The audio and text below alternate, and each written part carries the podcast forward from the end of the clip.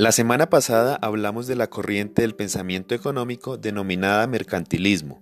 Vimos cómo esta corriente tenía como principio que la riqueza de un país se medía por la cantidad de oro que éste tuviese.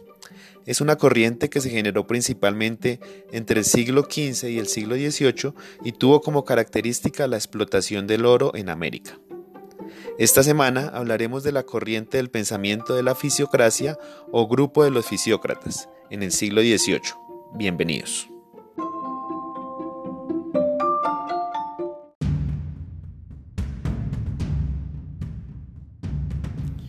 Siglo XVIII, unas décadas antes de la llegada de la revolución industrial a Europa.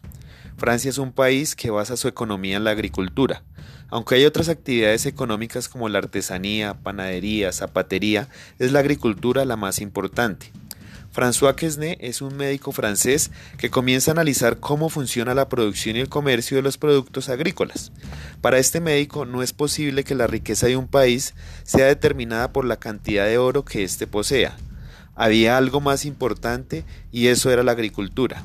Sin agricultura la economía sencillamente no funcionaría. Para este médico la economía funciona de una forma muy parecida a cómo funciona el cuerpo humano, y específicamente el sistema sanguíneo.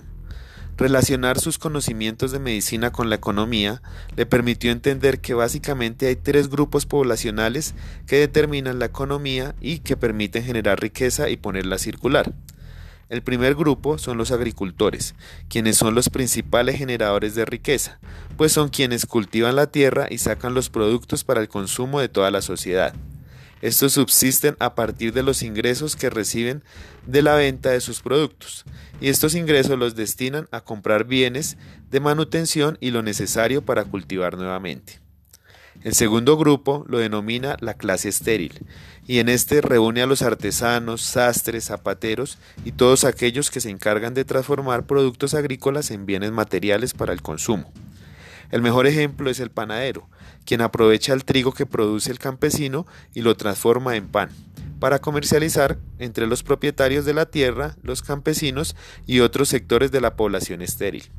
Según François Quesnay, la, la, clase estéril no genera riqueza en este ejercicio, su rol solamente es transformar la producción. Y un tercer grupo, que son los propietarios de la tierra o clase terrateniente, quienes viven de la renta que le pagan los agricultores por el arriendo de sus predios. Con esta renta, los propietarios de la tierra compran alimentos y bienes para su manutención a los agricultores y a la clase estéril, y para ello gasta todos sus ingresos que provienen de la renta.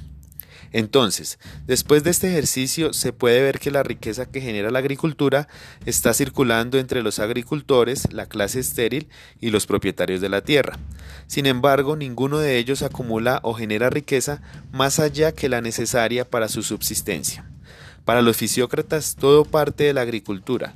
Es la agricultura donde se genera la riqueza que permite que la economía funcione. Para François Quesnay, la economía funciona como el sistema circulatorio en el cuerpo humano. La riqueza que se genera en la agricultura circula en la sociedad, como circula la sangre en el cuerpo. Y eso lo diferencia del primer modelo que vimos la semana anterior, en el que la riqueza se medía con el oro que se acumulaba en las grandes monarquías.